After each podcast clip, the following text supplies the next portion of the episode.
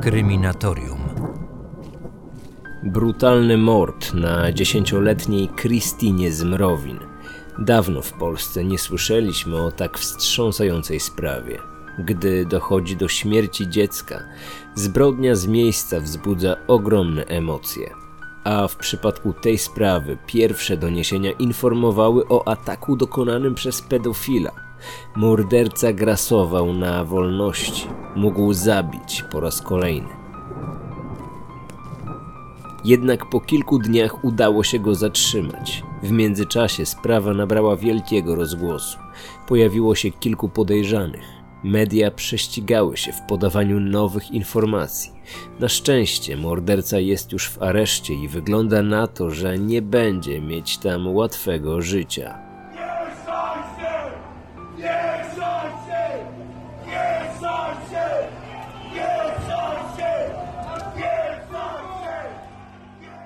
Myślicie pewnie, że kolejne 20 minut podcastu będzie szczegółowym omówieniem tej sprawy. No, zaskoczy was, ale tak się nie stanie. O sprawie z Morwin powiedziano już niemal wszystko. Nie widzę sensu, aby powtarzać te same informacje. Jednak otrzymałem od was wiele wiadomości, obok których nie mogłem i nie chciałem przejść obojętnie. Wziąłem pod lupę inną, przerażającą historię z Polski. To bardzo podobna sprawa, o której mogliście nigdy nie słyszeć, ponieważ wydarzyła się wiele, wiele lat temu. Mowa o zabójstwie dziecka. Brutalny mord na dziewczynce w podobnym wieku.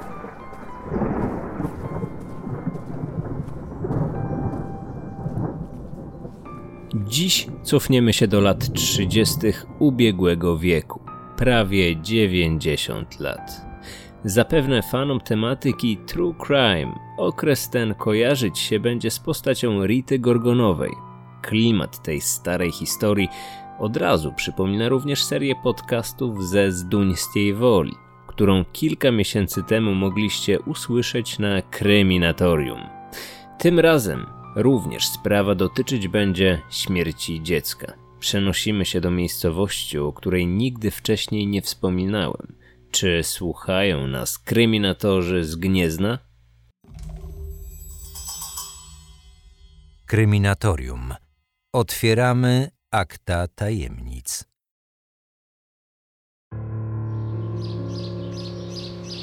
Gniezno, 2 września 1931 roku.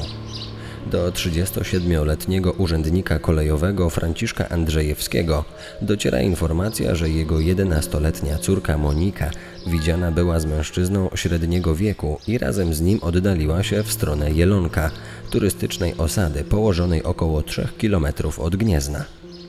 Zaniepokojony Franciszek wraz z dwójką znajomych udaje się na poszukiwania Moniki. Mamy godzinę 14.30. 35-letnia Stanisława Andrzejewska prosi swą córkę Monikę, by ta udała się do szewca po odbiór zreperowanych butów. Daje jej w tym celu 5 złotych i nalega, by Monika szybko wróciła do domu, zaopiekować się swoim niespełna dwuletnim bratem. Dom Stanisławy i Franciszka znajdował się przy dzisiejszej Pocztowej 10. Natomiast zakład krawiecki mieścił się na ulicy Cierpięgi, w odległości powyżej jednego kilometra od miejsca zamieszkania rodziny Andrzejewskich. Dziewczynce załatwienie sprawy nie powinno więc zająć dużo czasu. Ubrana w brązową sukienkę postanawia pójść najkrótszą drogą, biegnącą przez park Kościuszki, niedaleko dworca kolejowego. Córka Andrzejewskich przechodząc przez park spotyka nieznajomą kobietę, która prosi ją o drobną przysługę i pomoc w odebraniu kilku paczek z pobliskiego jelonka. W zamian za to obiecuje 3 złote, co na tamte czasy jest całkiem sporą kwotą. Zapewne z tego powodu dziewczynka po krótkim namyśle zgadza się pomóc młodej kobiecie. Kto wie, może pomyślała wtedy, że dzięki swojemu sprytowi zarobione pieniądze przekaże matce i odciąży tym samym rodzinę w codziennych wydatkach. A może po prostu kupi słodycze lub zabawki i podzieli się nimi z innymi dzieciakami. Monika tuż przed wyruszeniem do Jelonka postanawia wstąpić na chwilę do swojej koleżanki, Marianny Wszelakówny. Zostawia jej na przechowanie 5 złotych, uprzednio przekazane przez matkę oraz chwali się okazją, jaka się przed chwilą przytrafiła. Żegna się z Marianną i wraca do nowo poznanej kobiety. Rodzicom Marianny, którzy są w tym czasie w domu, opowieść dziewczynki wydaje się nieco dziwna. Widzą, jak Monika oddala się z nieznajomym w stronę wiaduktu kolejowego. Chwilę później dołącza do nich pewien mężczyzna, który zostaje z Moniką. Kobieta zaś wraca w stronę miasta. Zaniepokojone małżeństwo postanawia zawiadomić ojca Moniki, pracującego na kolei. W międzyczasie mężczyzna prowadząc Monikę za rękę szybkim krokiem kieruje się w stronę Jelonka. Po drodze para ta widziana jest przy ulicy Witkowskiej przez pracowników budowlanych. Znają z widzenia owego człowieka, jednak jego widok z małą dziewczynką nie robi na nich większego wrażenia. Wróćmy na chwilę do samej Moniki. Czy nie zaniepokoił jej dziwny obrót wydarzeń? Czy nie zdziwiła się, gdy młoda kobieta zostawiła ją sam na sam z obcym mężczyzną? A może Monika znała tego człowieka i dlatego się go nie obawiała? O czym mogli rozmawiać, oddalając się w stronę Jelonka? Raczej nigdy się tego nie dowiemy.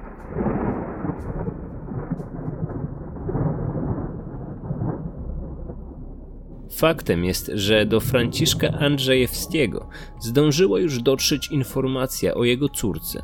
Andrzejewski wraz z dwoma kolegami z pracy natychmiast udaje się na poszukiwanie Moniki.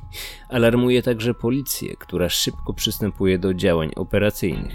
Podejrzewa, że Monika została uprowadzona.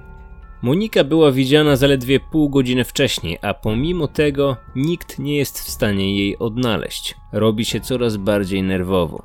Wydaje się nieprawdopodobne, aby dziewczynka mogła tak nagle przepaść, nie zostawiając po sobie żadnego śladu. Przeczesywane są pobliskie okolice i zagajniki, niestety bez skutku. Pomału zapada zmrok, a jedenastolatki nie udaje się odnaleźć. Przełom następuje dopiero kolejnego dnia rano. Zbierająca w pobliskim lesie grzyby Anna Morawska z przerażeniem odkrywa zwrócone twarzą do ziemi zwłoki Moniki Andrzejewskiej.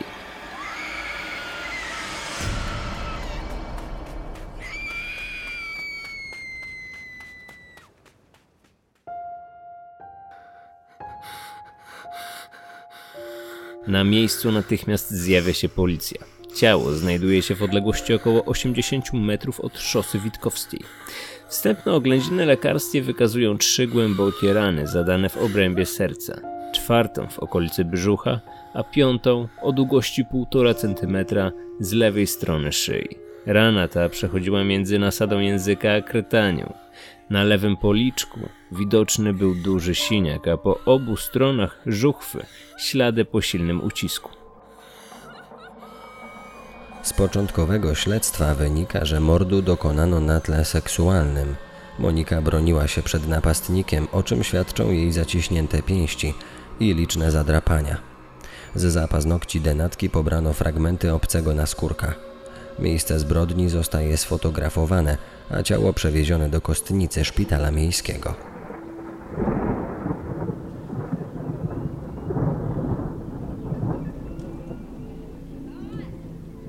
Kto mógł dokonać tak bestialskiego czynu? Kim był mężczyzna, który prowadził Monikę w stronę Jelonka?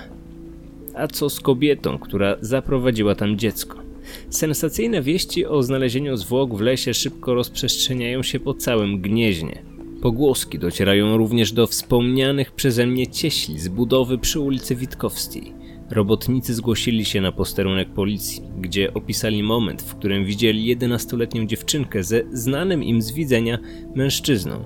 Podają jego rysopis i dodają, że często widują go w towarzystwie kulejącej kobiety. Najpewniej jest to jego żona.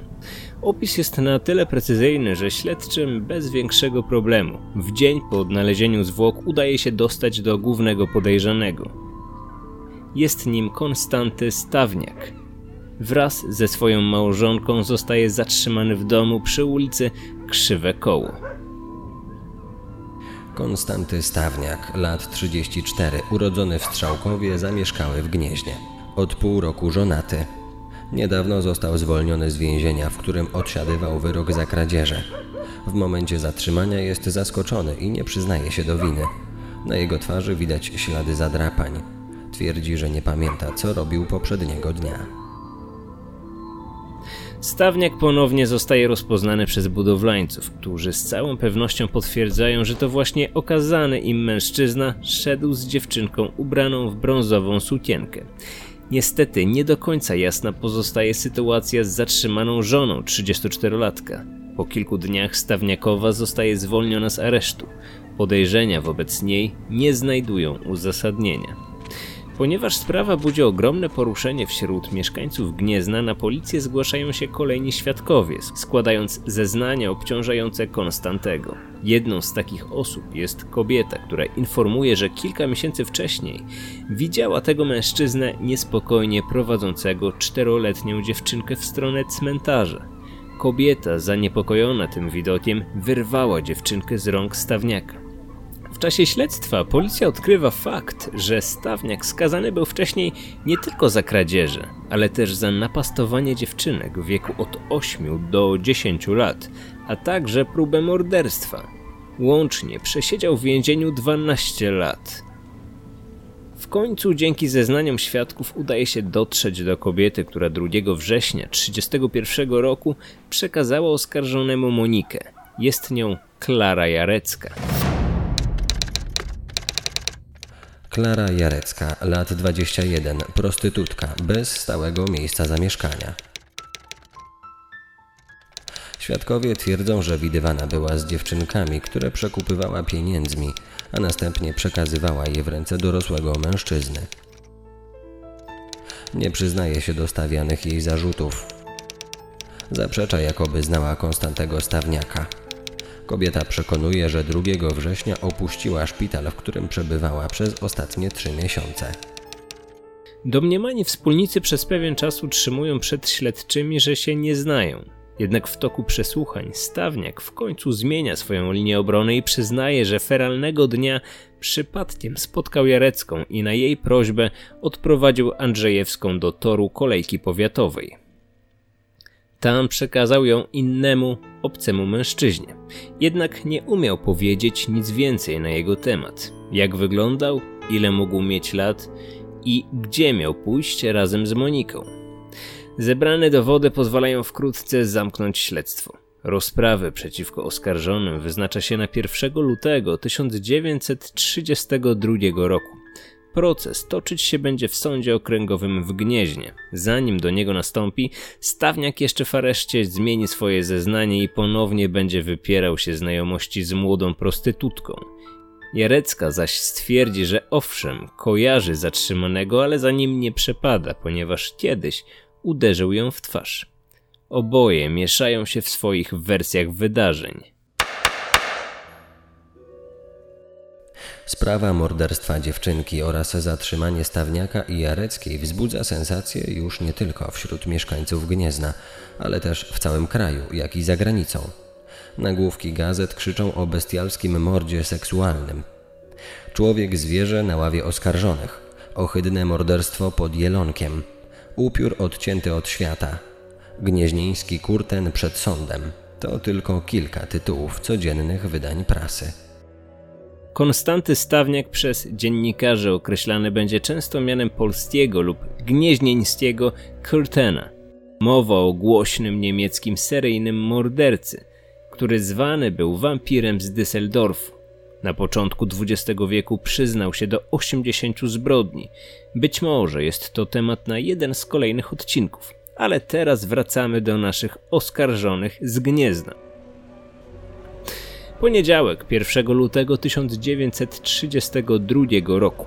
Sąd okręgowy w Gnieźnie. Za oknami ponura pogoda. Jest zimno, zacina ostry deszcz. Przed gmachem sądu zebrało się kilkaset wzburzonych ludzi, krzykiem domagając się sprawiedliwości i surowego wyroku dla oskarżonych. Rozdano 400 wejściówek na salę rozpraw, ale chętnych jest znacznie więcej. Około godziny dziewiątej w asyście strażników więziennych i policjantów na salę zostają wprowadzeni oskarżeni. Konstanty Stawniak i Klara Jarecka zajmują miejsce przy jednej ławie, oddzieleni strażnikiem. Zdjęcia gnieźnieńskiego Curtena i jego wspólniczki z tego dnia zajmują pierwsze strony gazet. Oboje wydają się być w dość swobodnych nastrojach. Stawniak uśmiecha się z wyszukaną grzecznością, a Jarecka kokietuje policjantów. Czytamy w relacjach prasowych. Sędzia odczytuje akt oskarżenia. Stawniakowi za morderstwo dziewczynki grozi kara śmierci. Jareckiej za uprowadzenie dziecka kara do pięciu lat ciężkiego więzienia.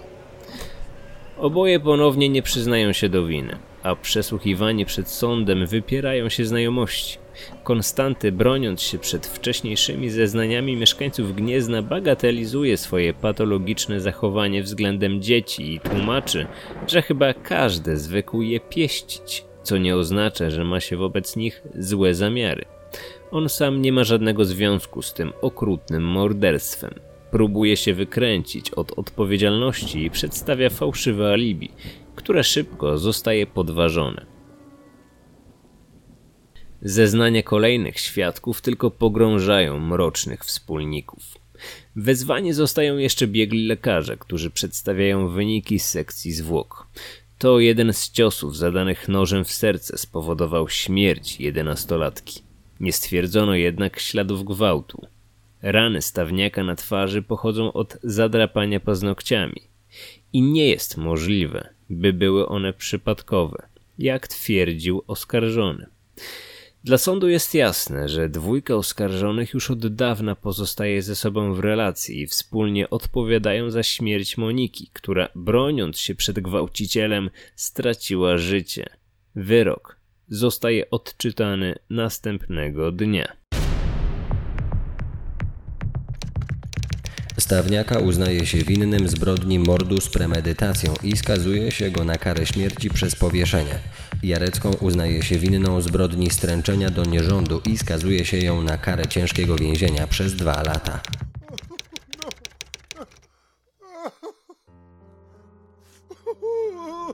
Usłyszawszy wyrok sądu, Stawniak wpada w histerię i rozpaczliwie płacze.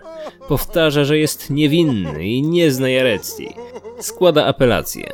Ponowna sprawa ma się odbyć 22 sierpnia przed sądem apelacyjnym w Poznaniu. Skazany do tego czasu przebywać będzie w więzieniu w Rawiczu. Rozprawa apelacyjna nie wnosi raczej wielu nowych faktów do sprawy. Przesłuchany zostaje współwięzień Konstantego. Pod przysięgą zeznaje, że mężczyzna zwierzał mu się ze swojej miłości do dzieci. Stawniak różnymi sposobami próbuje uniknąć kary śmierci. Broni się swoją rzekomą chorobą psychiczną. Jednak powołanie lekarza orzekają jego pełną poczytalność. Ostatecznie twierdzi, że był handlarzem żywym towarem, a małą Monikę przekazał jedynie kolejnemu zainteresowanemu. W ostatnim słowie obłudnie się żali. Sugeruje, że w więzieniu przechodzi przez straszne cierpienia. Jeżeli jego kara miałaby zostać zmieniona na dożywocie, to woli już umrzeć, niż do końca siedzieć za kratami jako niewinny człowiek. Sąd mimo wszystko apelację Stawniaka uznaje za zasadną, jednak określa go mianem jednostki wybitnie szkodliwej dla życia społecznego. Ostatecznie skazuje mordercę na karę dożywotniego więzienia.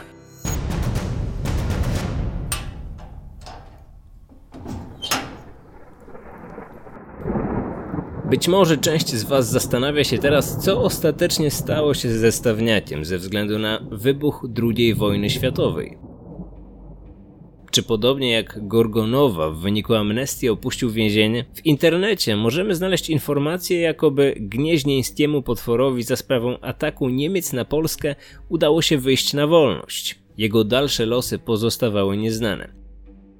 W dzienniku Orędownik z 28 listopada 1937 roku, mniej więcej w środku gazety, znaleźć można krótki artykuł o śmierci Stawniaka. Czytamy w nim.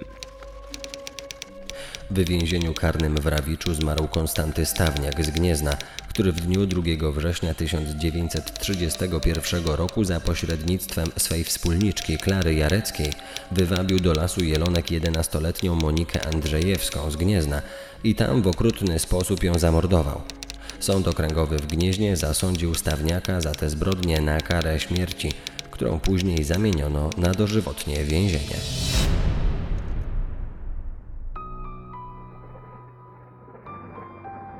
Na koniec dodam jeszcze tylko, że grób Moniki Andrzejewskiej przetrwał do dziś i można go odwiedzić na gnieźnieńskim cmentarzu świętego Wawrzyńca.